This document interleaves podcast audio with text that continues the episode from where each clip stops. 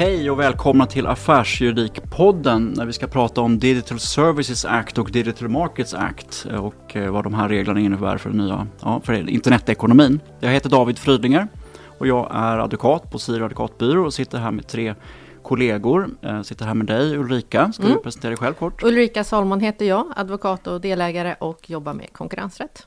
Robin Heimdahl heter jag, jobbar främst med konkurrensrätt och avtal. Jag heter Anna Hovstadius och jag arbetar framförallt med konkurrensrätt. Mm.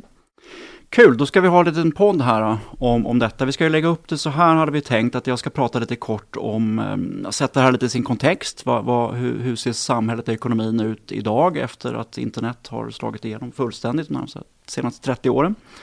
Och prata lite om vad är det för, vi ska prata lite om vad är det för problem om man ska reglera det här eh, internetekonomin eh, och så. Och titta lite på hur ser reglerna ut idag eh, egentligen. Och sen så ska vi då utifrån det prata om om det här Digital Services Act, vad är det, vad försöker man lösa med det och eh, Digital Markets Act också.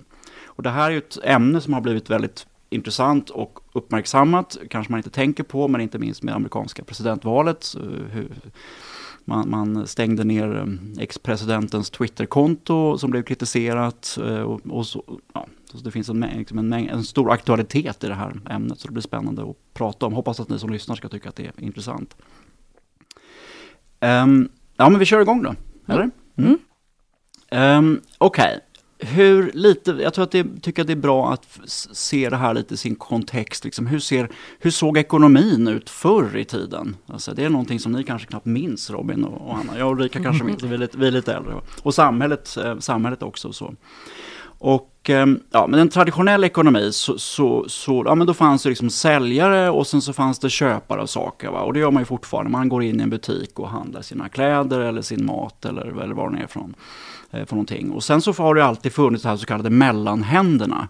De är, har ju alltid varit viktiga och det kan ju varit att det är någon, någon, någon grossist som, som säljer, köper upp många saker från säljare och säljer till olika köpare. Och så. Men jag tänker också på gallerior. Vi har Gallerian här i Stockholm, eller Modgallerian som är under oss här där vi, där vi sitter. Det är också någon slags mellanhand ju, som tillhandahåller möjligheter för köpare och säljare att träffas. Och så. Och så har det väl varit ganska, eh, ganska länge och så är det ju fortfarande viktig grej med internetekonomin, som vi vet, det är ju det här med eh, vad man kallar för mellanhänder eh, i, i, i, i, även i det nya. Och då tänker man ju förstås på, ja, det är omöjligt att inte tänka på Amazon förstås, som är liksom den första stora e-handelsplattformen som kom och som ju nu är liksom väldigt, eh, väldigt dominerande. Va? Ehm, så, som, som också säljer många andra företagsvaror och varor och tjänster. Men det finns, vi har ju liksom i Sverige, jag menar Blocket är ju ett bra exempel på, på det. Eller många. Alltså jag såg CD-ON, jag köpte några julklappar och insåg att det här var inte deras grejer de sålde. De var också så att säga en, en mellanhand på det sättet. Så. Ja, så det där har ju funnits och det fanns ju redan på 2000-talet när de nya reglerna, eller 00-talet när de nya reglerna, de befintliga reglerna kom, men det har ju växt sig mycket större. Då. Så det där är någon slags ekono ekonomiskt perspektiv. Om man tar lite mer ut samhälleligt perspektiv så tänker man sig då media. Hur, hur såg det ut en gång i tiden? Hur opinionsbildning och så. Och det här är också någonting som finns fortfarande idag. Man, och det har ju väldigt mycket, ja men det är ju tidningar och tv och radio som har varit liksom det, det dominerande sättet. Och det är broadcasting har varit mycket. Det är en, en avsändare och många som lyssnar. Eh, på något sätt då. Och sen så, och då vet vi ju idag att det där finns idag, men har ju fullkomligt också förändrats genom det vi kallar för sociala medier. Ju. Där, där ju, som ju kännetecknas av men Facebook och YouTube och Twitter och så. Där ju användarna och mottagarna genererar sitt eget innehåll. Och plattformarna gör inte så mycket, säger de i alla fall. Det kan man ju diskutera. Men de, det handlar inte så mycket innehåll i alla fall. Och så. Och det är väl de här uh, två liksom, förändringarna som har skett och man har funderat från början när, när det här med internet kom. Då. Hur, ska vi, hur ska vi reglera det här uh, på ett bra sätt? Det kommer liksom nya problem som man tänker sig som, som jurist och som, som vi är. Eh, när, när man då inte säljer, eh, säljer sakerna själv utan man har en onlineplattform eller om, om det man har. Jag producerar inte mitt eget innehåll för att jag är en tidning utan alla andra producerar innehåll på min plattform. Hur ska man reglera, reglera det? Mm, så det är liksom det, den, ja, hur ska man säga, ekonomiska och samhälleliga kontexten i det här. Och Robin, vi vi har ju pratat om, eller vi alla tre har ju pratat om, liksom, det är väl tre som vi ser liksom, grundläggande problemområden som man försöker, eh, försöker reglera. Så ska vi prata lite om, om vilka områden det är och lite hur det har sett, ser ut idag och hur det kommer att se ut imorgon. Då och så. Men ska du börja Robin och säga, vi, vi har ju tre områden och du skulle väl prata kanske om två av de här så ska Anna prata lite om det tredje kanske. Ja men precis, det ska jag göra. Eh, jag tror att det är bra att börja med att återkoppla till det du sa lite grann, hur man valde att, att reglera det här. För om man nu ska vara ärlig så, man valde ju att inte reglera det här egentligen. Utan mellanhänderna har ju ända sedan början av 2000-talet, sedan 20 år sedan, i princip varit oreglerade. Man har valt ett system där den som egentligen bara virar över för information som kommer från tredje man eller liknande, de har i princip gått fria från ansvar. Och det var meningen att det skulle vara så, för man såg det att man ville inte lägga allt för stora bördor på sådana företag. Man ville göra det enklare att växla upp och liksom skala upp i resten av EU och liknande. Så att det var ett högst medvetet val. Mm. Sen nu har man ju sett då, när 20 år har gått, precis som du sa, alltså man kunde ju för 20 år sedan knappt se vilken utveckling som skulle ske. Så det är klart att man inte hade den, den liksom insikten i vilka problem som nu har uppstått. Men precis som du sa, som vi ser det så är det i princip tre problem. Och det första är ju, om vi tar Amazon som ett exempel, det här med olagligt material, eller olagliga produkter, det är piratkopierat material. Du kan idag egentligen surfa in på vilken e-handelsplattform som helst och beställa hem Eh, produkter från andra sidan jorden som du inte har en aning om under vilka förhållanden de är producerade, vem som egentligen är säljare och liknande. Och sen när det, när det, när det går dåligt, då, om du kommer hem med din eh, telefonladdare till exempel och den börjar brinna, så har du egentligen ingen att, eh, att vända dig mot. För Amazon tar inget ansvar för det, eller CDON eller någon annan, utan du får ju försöka hitta någon säljare då, som kan vara väldigt svår att lokalisera. Så att det är det första då, att man behöver få bort de här olagliga produkterna, farliga produkterna. Man kan väl säga också att det är liksom ett, frågan är liksom vilket ansvar ska de här mellanhänderna ha för det som de säljer eller för det som läggs upp på sidan. Eller om, om någon gör också ett inlägg på Twitter eller något sånt där mm. som, som är hets mot folkgrupper. Så hur ska man hantera det? Det är ju inte Twitter som har lagt upp det utan det är ju någon annan som har, har gjort det. Vilket Nej. ansvar ska de ha? Precis, och det är ju det som har varit den springande punkten i de här frågorna de sista tio åren. Det höjs jättemycket krav på att de här plattformarna behöver ta ett större ansvar just för att de har sån otrolig makt. Mm. Och det är då vi egentligen kommer in till det andra problemområdet. Att man såg ju inte för 20 år sedan att de här nu plötsligt, de här fem företagen kanske komma att dominera liksom internet. Det är fem stycken som egentligen bestämmer spelreglerna. Och man gör det, eller man kan göra det just för att det finns inga regler egentligen som reglerar deras ansvar. Eller de, de går fria från ansvar, så att säga. Mm. Och därför är det ju väldigt intressant att se det här nya, nya initiativet nu, hur det kommer att liksom falla ut och om det kommer att ändra på saker och ting. Hur var det Ulrika och Anna, skulle ni mm, prata lite mm. om det här med, med, att de får så himla stor makt? Ja men precis, det finns ju även konkurrensrättsliga aspekter i det här och precis som vi har talat om med Amazon där så har Amazon en speciell roll. Att de både själv säljer produkter på, på plattformen och tar in andra så att det blir väldigt komplext. Och Anna, vill du berätta lite mer vad man kan se för problem med det? Mm, absolut. Um, men det, den här Digital Markets Act den eh, kommer framförallt tillämpas på vad man kallar för grindvakter. Och utan att gå in på begreppet i detalj så kan man säga att det är stora internetplattformar som agerar som vakter till eh, företag som vill nå plattformens kunder. Och eh, endast de företag som då uppfyller den här grindvaktens villkor släpps förbi. Gatekeepers, ja. Precis. Exakt. Mm. Mm. Så ett exempel på sådana här grindvakter eller gatekeepers är ju Apple och dess App Store. Och om företag vill eh, tillhandahålla en framgångsrik app så är man i princip eh, beroende av att få sälja på App Store. Och om App Store då har vissa villkor så, eh, som företag inte uppfyller så öppnas då inte grinden.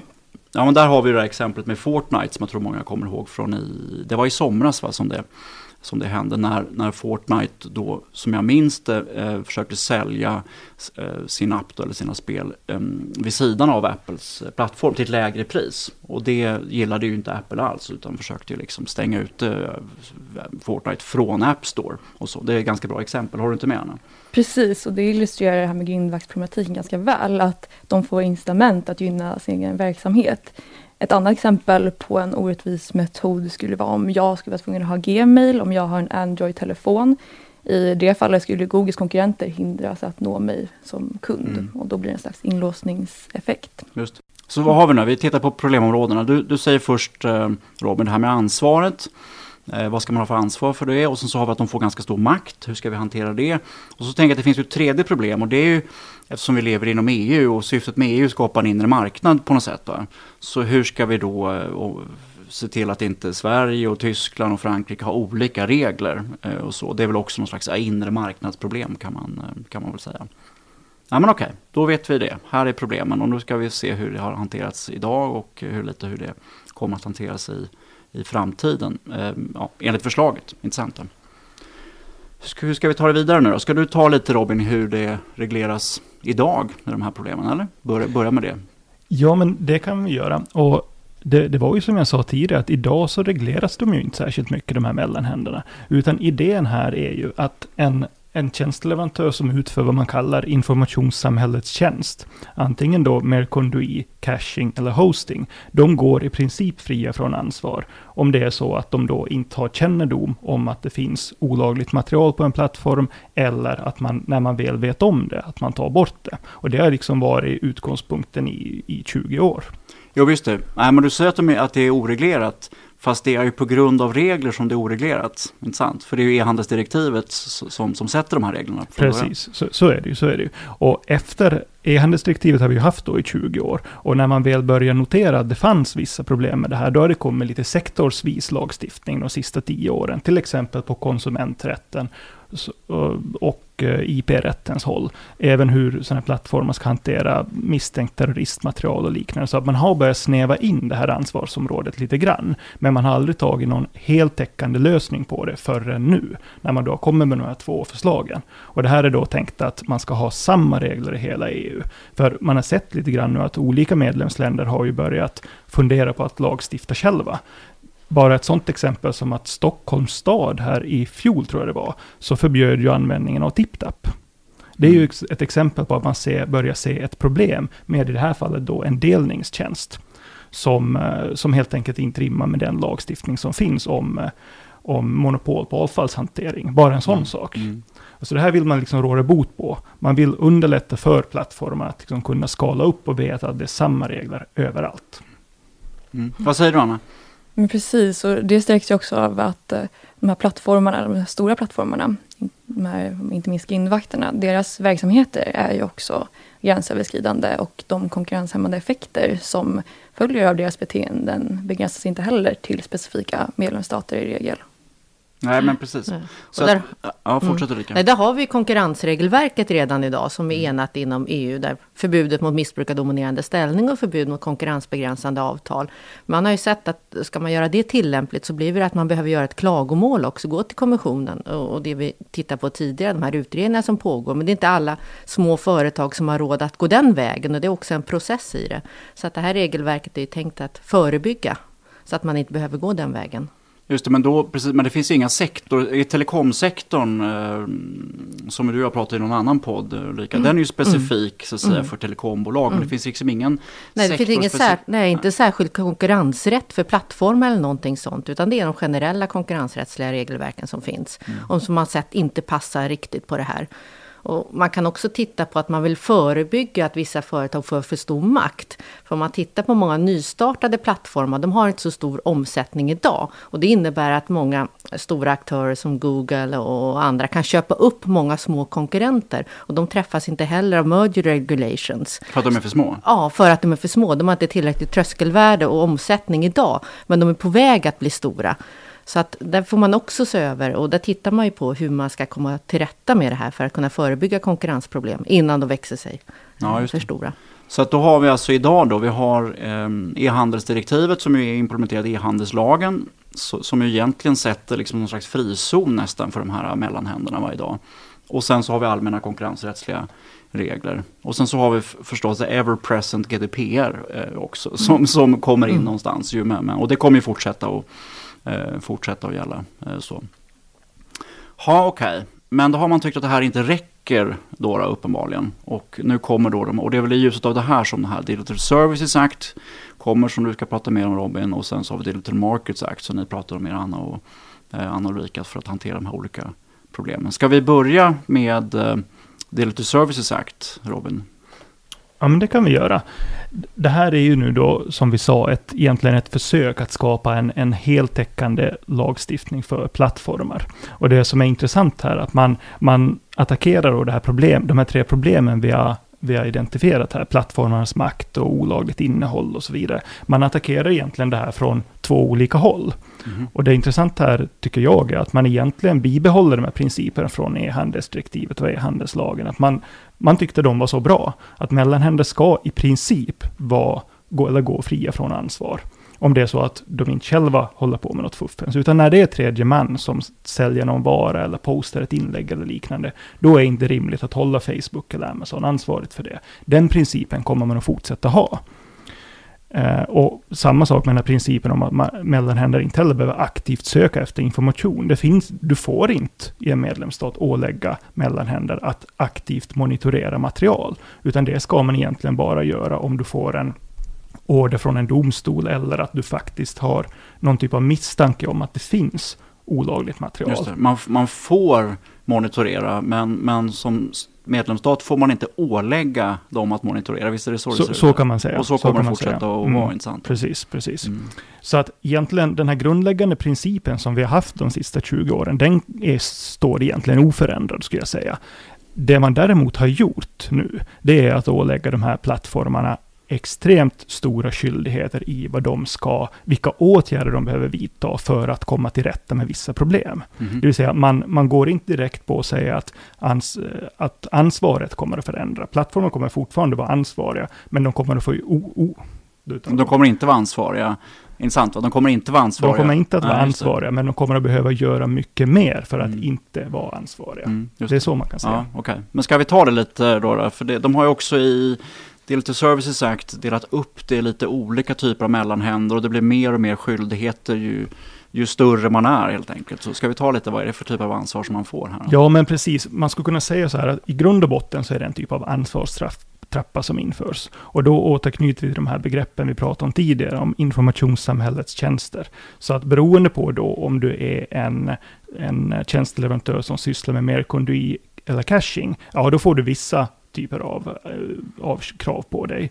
Är du en värdtjänst så får du ytterligare några krav och är du en plattform så får du ganska mycket krav på dig. Ska vi ta och förenkla lite för, för lyssnarna här? Du tänker Mercondui och caching, då är man ju liksom nere i, i telenäten, i fibernäten mer eller mindre, har lite utrustning och, och så. Då. Är, du, är du en värdtjänst, då, då är det mer, men du kanske har en, en hemsida helt enkelt, eller du har en onlineplattform och så. Och sen så kan det vara en jättestor onlineplattform, alltså Amazon, Facebook, mm. ungefär så.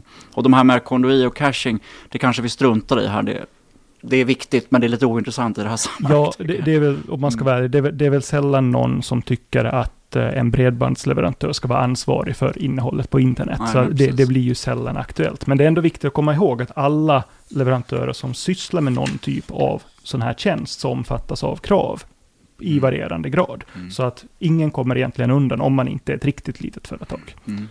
Men okej, okay. men vissa, vissa skyldigheter åläggs ju alla här på något sätt. Uh, intressant då. Lite som alla de här tre kategorierna. Ja, och då skulle jag säga att det är framförallt då det här som man kallar content moderation. Uh, det vill säga typ alla typer av åtgärder som en mellanhand tar för att uh, antingen hitta olagligt material åtgärda olagligt material eller identifiera användare eller stänga av användare. Där ställs det mycket, mycket högre krav på transparens. Dels i de allmänna villkoren, att man som användare ska veta vad man får och inte får göra, men även att man ska från plattform ska informera användarna om vad mellanhanden har gjort. Just och, det, så att om man inte skyldig att, ja vi kommer väl till vad man är skyldig att göra, men egentligen inte så mycket skyldig. Men om man gör det så ska man, då ska man liksom få reda på det som användare. Ja, men precis. Mm. Egentligen ett transparenskrav någonstans. För nu, som det har varit nu, så har det väl, man, man har identifierat ett problem här med att användare av mellanhänder, plattformar kan vi säga i bred bemärkelse, man, jag ska inte säga att man har varit rättslös, men det har varit lite svårt att veta ibland vad de här stora baserar sina beslut på. Till exempel om du, om du sätter, sätter upp ett blogginlägg. Du har din blogg, du sätter upp ett blogginlägg, plötsligt så försvinner blogginlägget. Då kan det vara svårt att veta varför det har försvunnit, vad har du gjort för fel och, så här, och Mm. vad kan du göra åt det? Och det är sådana saker man vill komma åt här. Så man måste säga liksom, ja precis, ge kriterierna lite för när vi fattar beslut här med ett innehåll. Hur, hur kommer det se ut i framtiden? Alltså, Mm, precis. när, när vi tittar på ditt innehåll. Och, och det, här är ju, det här kan ju vara ganska ingripande. För säg då att du är en, en eh, influencer idag, eller du har en mindre, mindre e-handelstjänst som du driver.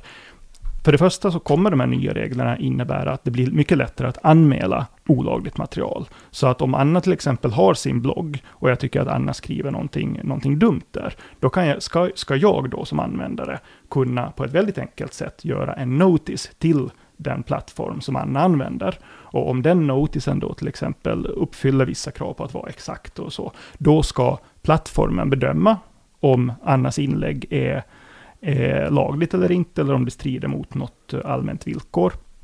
Och då vidta en action. Kanske till och med ta bort Annas inlägg. Mm. Och om det sker, så behöver då Anna få en tydlig information om, om att det har hänt, varför det har hänt, om det är algoritmer inblandade eller om det är någon, någon fysisk person som har tagit det här beslutet. Och sen då också vad Anna kan göra för att komma till rätta med det. Men det kommer vara okej för dem att och ta ner här Annas, det är ett fruktansvärt inlägg du har gjort Anna här. Men det kommer vara okej för plattformen att plocka bort inlägget. Ja, Bara absolut. man förklarar varför. Absolut, man, man sätter ju den skyldigheten på plattformen att göra den bedömningen helt enkelt. Mm. Men det kommer egentligen från två håll. Det ska dels vara lättare för oss alla som reagerar väldigt starkt på Annas inlägg att kunna kunna komma åt det. Men Anna ska även, man bygger även in de här rättssäkerhetsgarantierna för Anna, så att om hon då till exempel eh, är en influencer som liksom lever på att, att eh, att publicera inlägg, så måste hon också, det är ju hennes levebröd det handlar om, så hon behöver ju också då få en garanti för att det här sköts på ett schysst sätt. Mm. Så att det är en hel kedja som man bygger in Ja, egentligen. det. Så att det är mer, mer, mer transparent och mer förutsägbart för alla är, tanken då så. Men så pratar man om det här, nu kommer allting på engelska då, very large platform, så det tycker jag är intressant. Alltså, vissa har ju vad man kallar för, vi, vi minns ju de senaste åren här, Cambridge Analytica och, och, och hur man har påverkat val. Alltså det får liksom en, en systempåverkan liksom, för de här jättestora. Och där finns det ytterligare regler, inte sant Robin? Mm, absolut. Och nu tog du ju upp det här begreppet very large platform, så det är ju bra, för det är ju liksom egentligen det sista steget på trappan. Det är ju de här riktiga IT-jättarna, de som har mer än 45 miljoner användare i EU, knyts till befolkningen helt enkelt. Så man har tänkt att sådana plattformar som alltid har 10% av av befolkningen i EU som använder, de är en very large platform och de behöver man göra, liksom ta extra grepp om. Mm. För man ser här att, precis som du sa i början, att man ser nu problem som man aldrig trodde skulle kunna komma. Och man trodde aldrig att plattformar skulle kunna användas på det här sättet. Och det här, man ser att lagstiftning är egentligen enda sättet att komma till rätta med det. Det har inte fungerat med de här frivilliga initiativen, de här sektorsspecifika lagstiftningarna, utan här behöver man ta ett helt nytt grepp. Nej, för man ser att det kan påverka samhället så mycket, att det påverkar alltså, ja, demokratin som vi har Mm. sett och, och så. Och det är intressant att du tar upp Cambridge Analytica, för en av de här skyldigheterna som de här very large platforms får, det är att de ska göra riskbedömningar. Och inte vilka riskbedömningar som helst, utan riskbedömningar i förhållande till just hur lätt är det, eller hur, hur stor är risken att plattformen används i illegitimt syfte, till exempel valpåverkan. Hur stor sannolikhet är det att man kan skapa eh, automatiserade konton och bottar för att påverka väldigt mycket folk? Och finns det något i plattformens algoritmer och funktionssätt som förstärker det här? Så det kommer att bli en väldigt så här, självrannsakande och övning för plattformarna. De ska inte bli tagna på sängen om det händer igen, för vilket de kanske blev då 2016. Eller vad Nej, precis. ja. Och, och just det att en riskbedömning är ju inte mycket värd om inte man heller gör lite riskmitigering. Så att när väl man har gjort en sån här riskbedömning och konstaterar, okej, vi har en plattform här, vi har ett system som mycket väl kan användas för att påverka val. Det är väldigt enkelt, det är inbyggt i plattformen. Om man konstaterar det, ja, då måste du också göra någonting åt det. Och det kan vara liksom allt från att införa mer övervakning till att ändra dina algoritmer, till att samarbeta med myndigheter och liknande. Så att man får väldigt stora systematiskt, systematiska åtgärder man behöver göra. Ja, det blir väldigt eh, intressant. Men då, men då har vi liksom, jag tänker på det tillbaka till de här problem områdena som vi har pratat om. Och det här hanterar väldigt mycket av det här ansvaret. Då. Någon slags, om jag sammanfattar, är det korrekt då Robin? Att grundregeln om det här skyddet, så att säga, att jag ska inte egentligen göras ansvar för vad tredje man gör, men jag ska ändå få ju ganska mycket mer ansvar, lite beroende på hur stor jag är, att vara transparent, meddela vilka villkor och sen så man är jättestor då verkligen ta ansvar för de här stora riskerna i... Eh, mm. Eh, jag, jag, tror att det är viktigt här att skilja på på, på olika typer av ansvar. Ja. Eh, när man pratar e-handelsdirektivet och den här centrala principen om ansvarsfrihet, där pratar man mer om ett juridiskt ansvar. Till exempel då, Amazon kommer aldrig att bli ansvarig för den här felaktiga produkten i juridisk mening. Mm. Det som man framförallt har byggt in här i, i de här nya kraven, det är ju väldigt höga bötesbelopp om man inte gör det man ska. Jag har kanske fort, fortfarande lite svårt att se att Facebook eller någon annan typ av social media-plattform blir juridiskt ansvariga om någon postar eh, hate speech till exempel. Utan då kommer man nog snarare att konstatera att Facebook har inte gjort vad de ska, alltså ger vi dem höga böter. Ja, just det. De har kanske inte eller agerat på någon klagar på hate speech. Mm. Eller, ja, just det, så. Men okej. Okay. Um, ehm, Alright, men sen så har vi det här med, med eh, vad vi kallar för mellanhändernas makt och gatekeepers, som är ju mera era, era expertområden här, det konkurrensrättsliga, Anna Ulrika. Vad, och då är vi inne på Digital Markets Act då istället som en separat, um, separat reglering. Vad, vad säger ni om det då? Vad, vad, kommer, vad kommer nu? Mm, I det här Digital Markets Act, där kommer de skyldigheter som grindvakterna kommer att åläggas listas. Eh, och den här specificeringen syftar till att göra det rättssäkert och förutsebart för företag. Så man vill skapa en slags uppförandekod inom EU. Men vi kan eh, ta några exempel. För att, nu ska vi se här. För idag bara, vi backar hem, det finns ingen generell, idag finns det bara en generell reglering, inte specifikt. Men nu kommer en slags som är specifikt bara för vissa typer av aktörer, inte sant? Exakt. Och det är det här, den här listan, eller en code of conduct som du säger, kommer gälla för dem. Precis, det här gäller då bara för de företag som ska definieras som så kallade grindvakter eller gatekeepers. Mm, Okej. Okay. Mm. All right. Ja, eh, men eh, till exempel så kommer det vara förbjudet att ha regler om företagsanvändares försäljningspriser och villkor på andra sidor än grindvaktens plattform. Eh, så grindvakter får till exempel inte ha krav om att företagsanvändare bara får erbjuda rabatter till kunder vid de tillfällen som kunden köper via grindvaktens plattform. Mm, så att de inte kunna, berätta vad, vad syftar det till? De ska inte kunna gynna sig? Precis.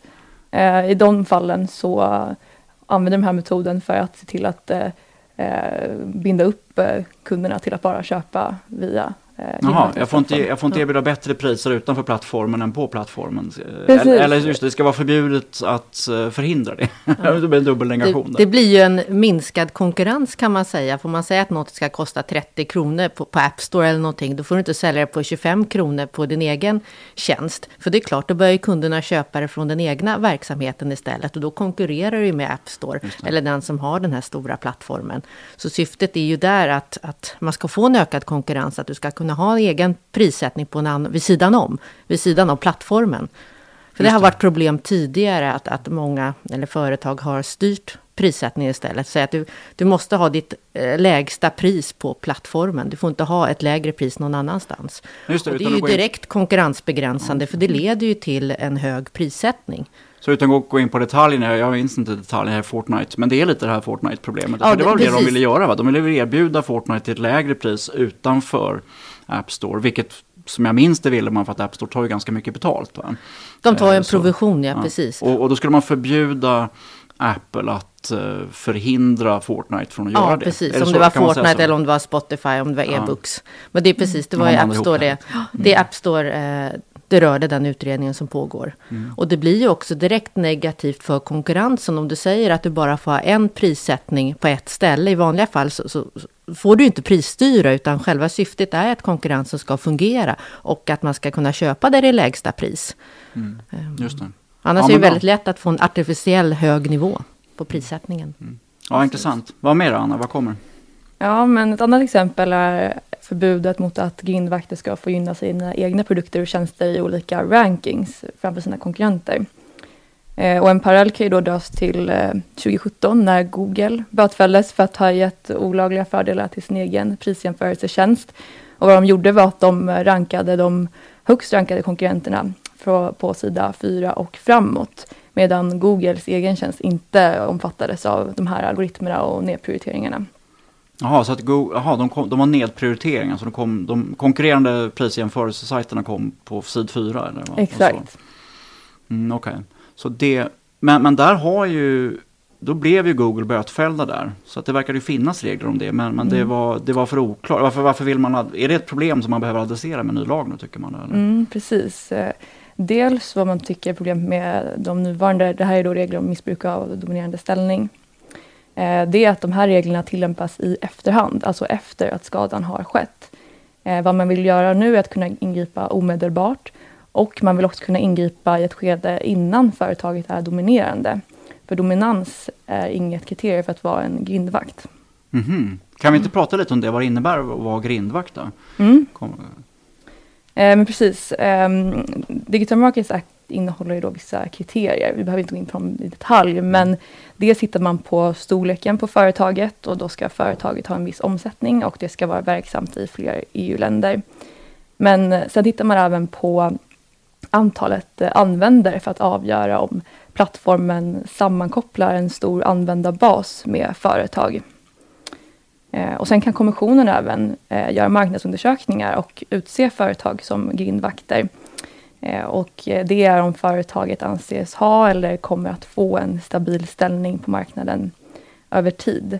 Och eh, det gäller till exempel, jag tror att du nämnde det tidigare Ulrika, ehm, startups som har en stor användarbas men vars omsättning inte reflekteras, eller vars, till, vars eh, tillväxtpotential inte reflekteras i omsättningen. Mm. Ja, ja, Precis, kan... de är idag inte dominerande då, utan det här skulle då vara ett regelverk som skulle slå till tidigare. För att visa dominans kan ibland vara, ganska krävande ehm, för företag. Man kan ju mm. tänka sig, jag vet inte hur snabbt WhatsApp eh, växte så att säga. Men det skulle kunna vara ett exempel. Om de växer väldigt stora kan de få väldigt stor makt. Men ja. väldigt svårt att bevisa att de är nominerande. Nej, vi har inga, ingen omsättning, vi kan ju inte nej, nominera. Nej, precis. Men man kan se potentialen. Och där mm. finns det ju många, som jag nämnde tidigare, där större företag som köper upp de här eh, mindre företagen mm. i uppstartsskedet. Och då kan man också få konkurrensrättsliga problem. Att många av de här konkurrerande tjänsterna köps upp av de större och då får man ingen konkurrens till slut. Men, men i praktiken, du sa det tidigare Robin, det är fem vi pratar om. Just nu är det ju fem det. enligt ja. Eh, Digital Services Act. Men jag skulle inte säga att man nödvändigtvis ska dra ett likhetstecken mellan Very Large Platforms enligt Services Act och Gatekeepers. Nödvändigtvis, utan precis som Anna sa, så man har ju lite andra krav för att vara en gatekeeper också. Just det, men, men i praktiken så är det liksom, ja vad säger vi, det är Facebook, Amazon, eh, Google, Twitter. Ja, det, det, liksom, det är det häradet vi rör oss omedelbart och sen så kommer mm. det liksom ta hand för nya. Vad säger du Anna? Nej men det ska även sägas att eh, de här digitala aktörerna själva måste bedöma om de omfattas av den här lagstiftningen. Mm. Och om de kommer fram till att den här definitionen träffar, då ska de informera kommissionen, så gör kommissionen den slutliga bedömningen. Okej, okay, om jag som företag inte vill erkänna att jag omfattas av de här reglerna, då kan kanske kommissionen lite proaktivt komma och säga till att jag gör det då, eller hur vet du hur det ser ut där? Eller? Ja, så som sagt kan kommissionen göra sina marknadsundersökningar. Eh, men sen framförallt om eh, eh, företag som inte erkänner sig som gatekeepers, men som ändå bryter mot de här reglerna i Markets Act, så finns vissa sanktioner för det också. Aha, så man kommer inte undan. Man kommer inte undan så lätt. Nej, men det, det låter ju skönt. Mm. Okej, okay, vad fanns det mer? Det var en hel lista sa du med... Eh, ja, precis. Vi ska inte ta upp Nej, ta några, alla ta några idag. highlights här. Um, ja, men vi kan ta upp ett sista exempel. Det är till exempel, eller det kom till exempel var förbudet att använda företagsanvändares data, till exempel om deras försäljning på grindvaktens plattform, uh, just för att bygga strategier om hur grindvakten kan konkurrera med sina företagsanvändare. Ja, just det. Så jag är, jag är Amazon Eh, stackars Amazon här gör ju mycket bra också. Alltså, men, men det, det, är lätt att ta det exemplet för alla. Då har de mass, de säljer egna böcker och så har de massa information om andra böcker som säljs. Så ska de inte få använda den informationen om de andra. Ja, något sätt får, men de får inte använda det för att gynna sig själva. Kan man säga så? Precis. Nej, för det problemet man har sett idag, för att hoppa in där, det är att man får tillgång till en hel del information från sina konkurrenter. Och i vanliga, vanliga fall så, så förhindrar konkurrensreglerna det. Du får ju inte dela känslig information mellan konkurrenter. Men här sitter ju då den här gatekeepern på den här informationen i och med att en konkurrent är inne och säljer på din sajt. Och sen finns det förstås GDPR-problematik i det här också.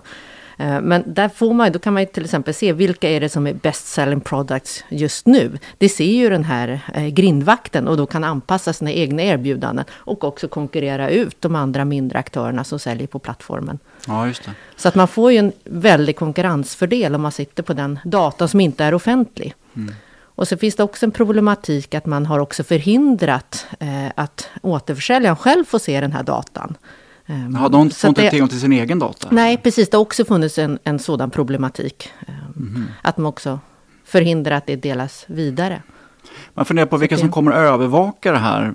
Jag menar, i, i Digital Services Act så, så, säger man att nu ska det utses eh, Uh, vad är man kallar en Digital Services Coordinator, inte sant Robin? Precis, precis. Det ska ju finnas en sån på, eller i varje medlemsstat egentligen, som ska övervaka det här. Det som är lite fiffigt i Services Act är ju att man har byggt in, precis som Anna sa med Markets Act, man har byggt in ett uh, självangiverisystem, skulle man kunna kalla det, där där plattformarna själva ska ge den information som krävs för att bedöma om de uppfyller reglerna eller inte. Och så har man ju knutit det där till en ganska kraftig sanktionsavgift. Ja, så att eh, det, det, blir, eh, det blir intressant att se hur, hur man kommer att göra. Så det kommer, vara, det kommer tillsynen, i, där kommer vara, det vet vi inte då, det finns säkert kanske den informationen, men vi vet inte det i det här rummet just nu. Eller vet du det, eller vem som kommer att bli rimligtvis i Sverige Digital Services Coordinator? Nej, det vet inte vi ännu. Man kan ju spekulera i vem som ska vara lämplig, men det kanske vi, vi gör någon annan gång. Men det, det är ju en grannlaga uppgift, det är det ju. Mm. Men förutom att man har det på medlemsstatsnivå, så har man ju också krav på sig nu från plattformarna att de kommer att behöva släppa in externa granskare. Mm. Dels sådana som gör årliga granskningar, bara för att kolla så att man uppfyller alla krav som ställs. Men även kommissionen och, som man kallar externa forskare, ska få tillgång till algoritmer och data för att få se om, om det krävs ytterligare åtgärder. Ja, just det. Ökad transparens där. Mm.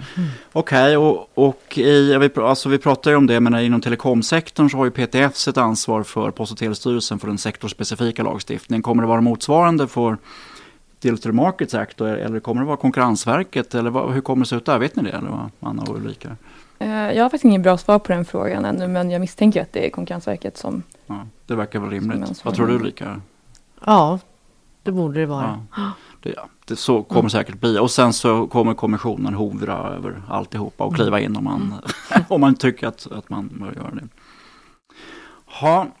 Ja, men vad kommer det här att innebär i praktiken då? Om vi, om vi släpper eh, juristhatten här lite va? och bara ser oss som, som konsumenter eller så. Om vi, ja, vi är ju för sig också ett företag, vi använder inte så mycket onlineplattformar. Vad, vad, vad, tänker, vad tänker du Robin kring om man, är, om man är ett företag som använder de här plattformarna eller om man är liksom en, en, en bloggare och så? Jag tror att det kommer att leda till mycket större transparens som vi pratade om. Det kommer att leda till schysstare konkurrens på det sättet att man kommer att lättare kunna angripa företag som inte följer reglerna. Sådana som kanske då säljer piratkopierat material. Så kommer man att kunna få bort mycket enklare. För en konsument kommer det också innebära att man kommer att köpa, med största sannolikhet kommer man att köpa bättre varor man kommer liksom inte att, eh, och blir det något fel så kommer man att kunna veta vem man ska vända sig till. Man kommer att ha en identifierad säljare på andra sidan. Det är sådana krav som ställs, så att där tror jag nog man kommer att se en viss trygghet mm. som konsument. Mm. Vad, tänker ni, vad tänker du Anna, vad, vad kan det innebära? för? Ja, men eh, från företagsperspektiv så kommer det vara enklare att konkurrera och vara innovativa utan att behöva rätta sig efter grindvakternas villkor. Men också lättare att komma in på de här digitala marknaderna. Eh, dessutom kommer från konsumentperspektiv så vill man att konsumenterna ska få fler tjänster att välja mellan och en mer direkt tillgång till tjänster. Men också bättre möjligheter att byta mellan olika tjänster. Men sen framförallt så vill man ju också att de här grindvakterna, de ska ju fortsätta kunna vara innovativa och erbjuda nya tjänster. Det vill man inte hämma. Utan som sagt så handlar det hela om att eh, Eh, de inte ska kunna få använda de här orättvisa metoderna för att själva skapa sig egna fördelar. Nej men precis. Och den är väl, har väl varit viktig eh, Ja, just att inte hämma investeringsviljan, den var väl viktig. Inte minst det här att grundprinciperna i Digital Services Act hänger ju kvar från e-handelsdirektivet. Att I grund och botten ska jag ha inget ansvar, för om jag ska få för mycket ansvar så kommer jag stå för stor risk och kommer ingen vilja investera. Vad tänker du Ulrika, vad, vad kommer det innebära? Nej men Anna förklarade det bra där, det blir ju en förbättrad eh, konkurrens. Det blir ju lättare för små företag att komma in på marknaden. Och många har ju man gjort undersökningar tidigare att många små företag har klagat på orättvisa villkor för de här eh, större plattformarna. Och i och med att det blir bättre konkurrens, större, eh, fler företag som kan erbjuda sina tjänster där, så blir det ju också generellt sett lägre priser. Så i slutändan är det bra för, för konsumenter också. Mm. Och att man kan ha olika priser på olika typer av plattformar. Men det, det, känns ju som att ja, men det låter toppen. Mm. Men, men det är inte helt okontroversiellt det här ändå. Jag tänker, Robin, du och jag har pratat om i andra sammanhang.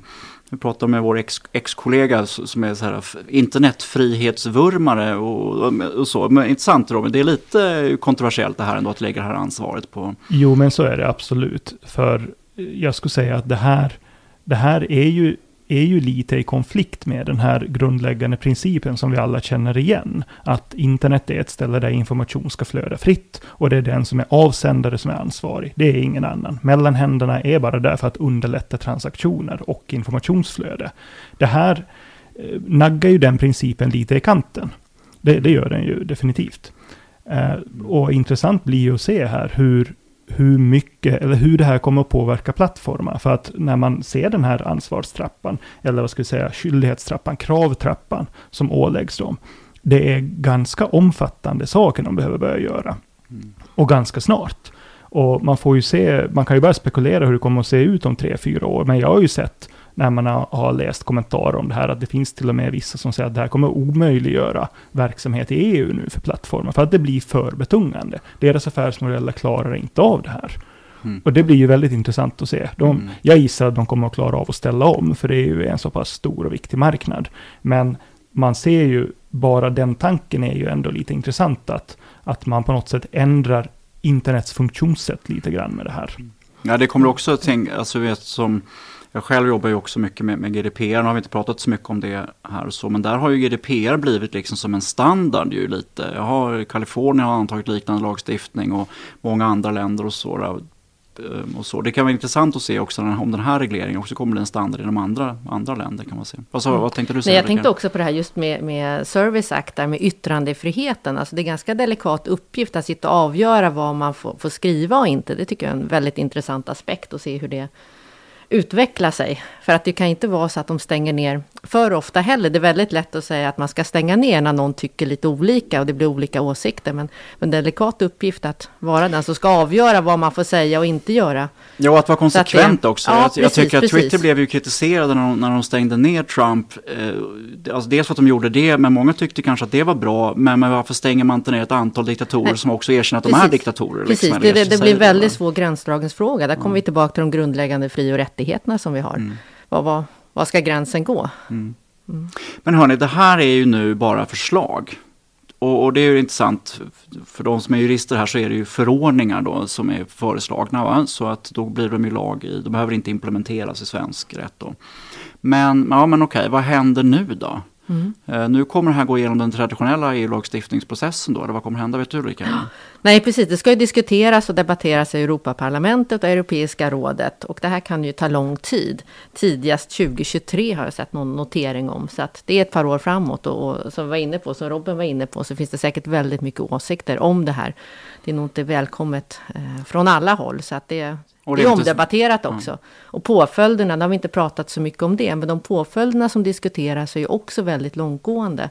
På Market Act så talar man om att man ska behöva kunna stycka upp företag om man då inte följer regelverket. Och det är någonting som vi inte har i den konkurrensrättsliga lagstiftningen eh, idag. Där är det ju bara böter som finns idag. Eh, så att det är väldigt långtgående. Så att det här kommer bli debatterat. Mm. Ja, intressant. Vad säger du Anna? En, eh, något annat som är, har lyfts i debatterna är ju att i just Markets Act så är de skyldigheter som, eller som listas väldigt nischade.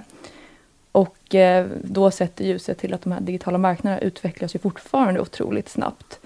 Eh, och vi, ingen vet vad vi är om bara tre år. Ehm, men å andra sidan mot det så har argumentet lyfts, lyfts, om just att det är viktigt att det är förutsägbart för företag och rättssäkert. Mm så det har debatterats en hel del också. Just det, med gränsdragning där, ska man ha så strikta åtgärder, ingripande åtgärder, så får det vara lite tydligt vem som kommer att omfattas av dem. Och så. Ja, vi får väl se. Jag tycker att när GDPR kom, det var ju ganska effektivt infört, men det finns så här eh, i privacy regulations som jag har debatterats i flera år. Liksom. Hur ska man ha bättre regler för cookies och sånt där. Den har ju verkligen fastnat. Mm. Och hanteras lite av olika, olika delar av kommissionen också. Ja, men vi får se vad som, vad som händer. Mm. Men hörni, ska vi avsluta här eller? Mm. Vad, vad, tänker mm. ni? Kul att ni har velat vara med och lyssna um, på den här Affärsjuridikpodden. Tack um, Ulrika, Robin och Anna för det här. Ni får väl rekommendera er som lyssnar gärna prenumerera på podden. Den finns ju på alla plattformar, Acast och Spotify och så. Och sen så kommer vi förstås lägga ut den här på vår hemsida, sirio.se. Och den, om ni ser den på LinkedIn, så, vilket vi också kommer lägga ut den på, så får ni gärna likea eller kommentera. Och så. Och så får vi se vad som händer i framtiden helt enkelt. Tack! Mm. Tack för idag. Tack så mycket.